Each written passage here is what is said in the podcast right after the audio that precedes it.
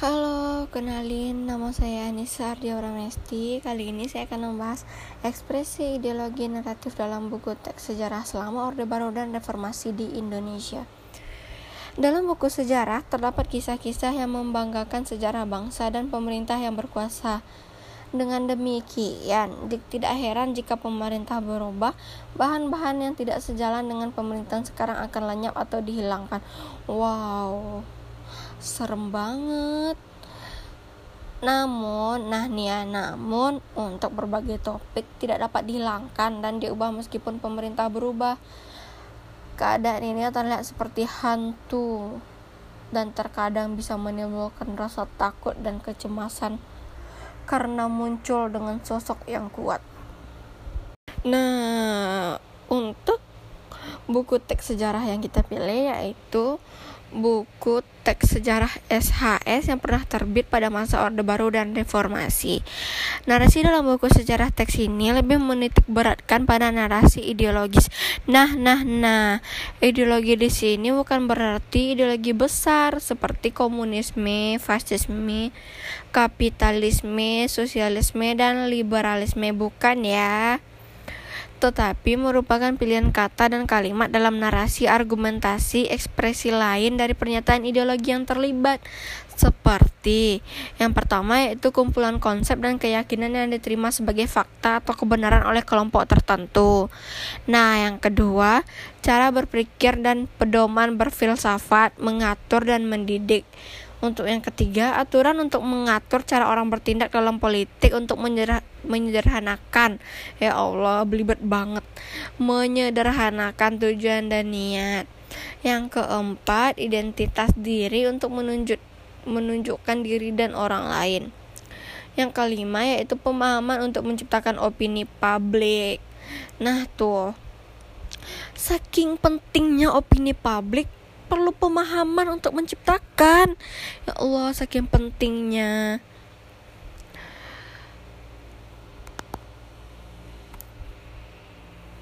Nah, materi yang menjadi hantu masa lalu yang ditulis di sini adalah penuturan Soeharto pada peristiwa G30 September 1965 dan militarisme, militarisme sejak materi pohon ini dibahas dalam ekspresi ideologis yang berbeda.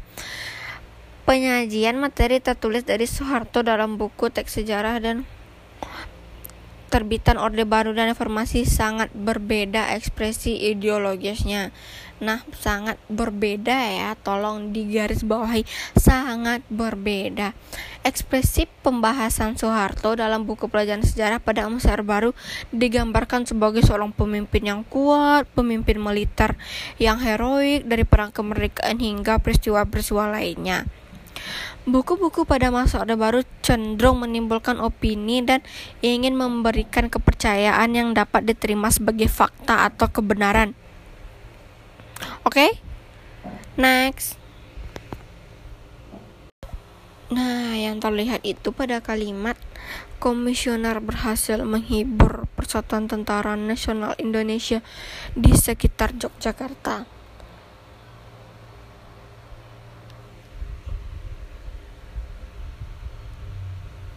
Nah, di situ juga tulis bahwa bekerja dengan sangat baik sebagai identitas diri untuk melihat keberhasilan dalam serangan umum pada 1 Maret 1949.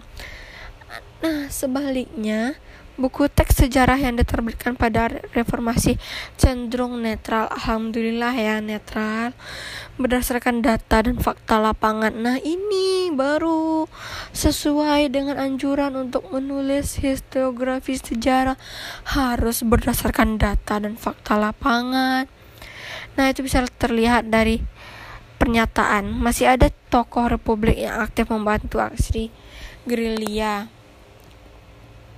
Sosok yang dimaksud di sini adalah Sri Sultan Hamengkubuwono ke-9 yang artinya kejadian ini tidak hanya Soeharto saja yang berperan tetapi ada sosok lain yang memiliki peran serupa.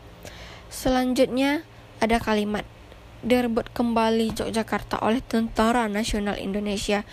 Nah, di situ menegaskan bahwa kemenangan tersebut diraih berkat kekuatan intuisi pertahanan yaitu Tentara Nasional Indonesia dalam kurung INA garis bawah INA. Oleh karena itu, teks sejarah pada reformasi diposisikan sebagai partai yang dapat merangkul semua pihak yang terlibat. Hal ini terlihat dari penyebutan nama Soekarno, eh Soekarno ya Allah masa Soekarno? Sorry sorry salah salah salah. Soeharto ya guys. Tolong Soeharto kok Soekarno sih? Dan tokoh lainnya seperti Sri Sultan Hamengkubuwono ke-9 dan INA Nah, untuk yang selanjutnya, materi yang sering menjadi hantu dalam sejarah Indonesia itulah yaitu adalah peristiwa sejarah peristiwa sejarah 30 September 1965 di mana pembahasan buku pelajaran sejarah masa Orde Baru dan reformasi sangat berbeda seperti yang disajikan. Narasi sejarah peristiwa gerakan 30 September 1969 disajikan berbeda. Buku teks sejarah pada masa Orde Baru menunjukkan bahwa gerakan 30 September 1965 hanya dilakukan oleh PKI. Hal ini terlihat di pemberontakan PKI.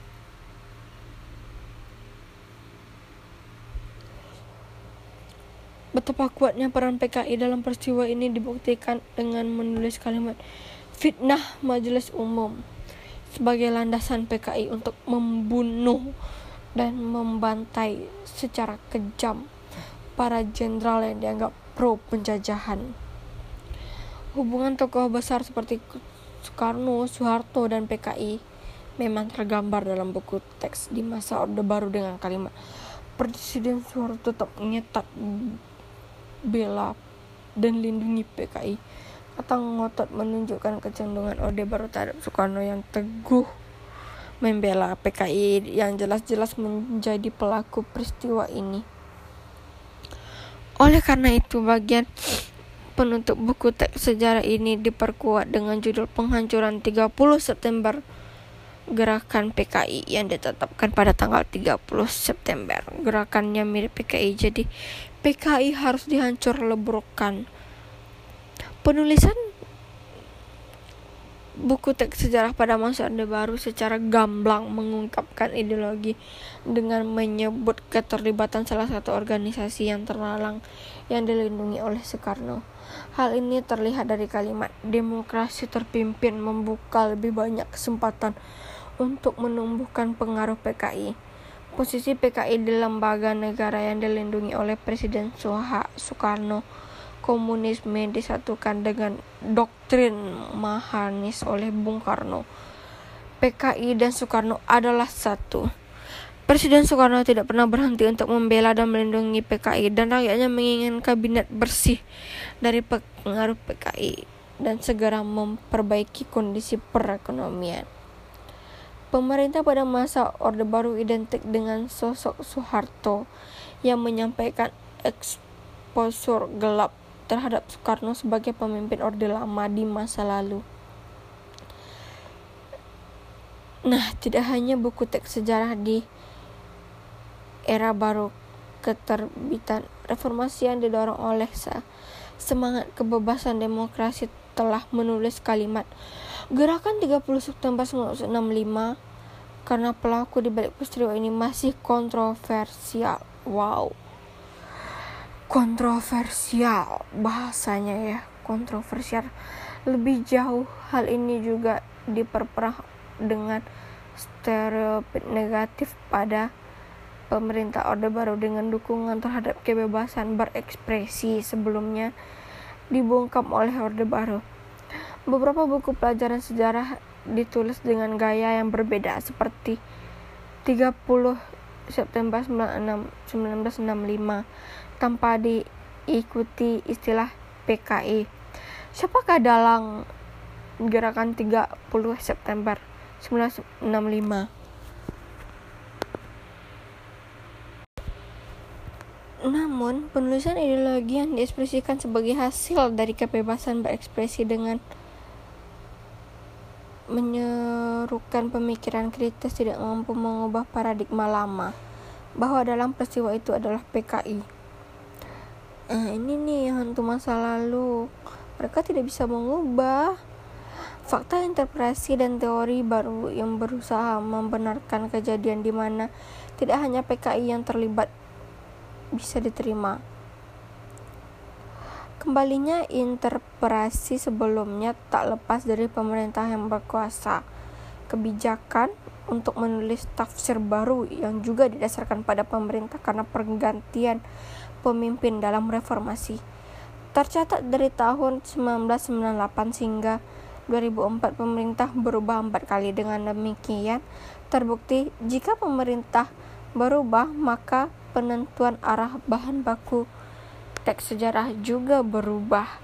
Nasib menarik lainnya ialah militerisme dalam buku teks sejarah pada masa Orde Baru disorot meski tidak terlihat dalam reformasi. Militerisme seolah menghilang dalam sejarah nasional Indonesia pada masa Orde Baru. Narasi militerisme muncul dalam dua bab yang disorot dengan judul Perjuangan Bersenjata untuk Kemerdekaan dan antara diplomasi dan pertempuran. Tulisan yang diungkapkan militer dengan frasa pertarungan bersenjata ini menunjukkan bahwa bagaimana militer mempertahankan kemerdekaan Indonesia. Selain berurusan dengan Belanda yang ingin merebut kendali atas serta situasi dan kondisi keamanan dalam negeri yang tidak menguntungkan, militerisme ditata ulang sebagai institusi keamanan yang berhasil mengatasi berbagai pemberontakan.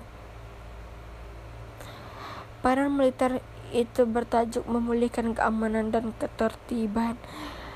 Nah, peran TNI dalam penulisan buku teks sejarah di Orde Baru diperkuat sebagai pengawal dan pembela ideologi negara yaitu Pancasila dan di fungsi ABRI yang dikuatkan oleh militer dan politik.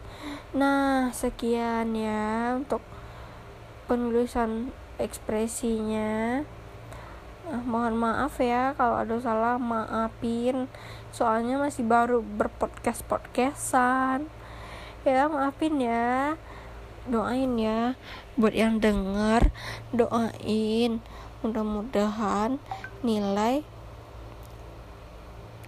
nilai aku untuk sejarah Indo kontemporer ini bagus. Ya bagus ya. Doain ya dan tunggu podcast podcast selanjutnya oke? okay?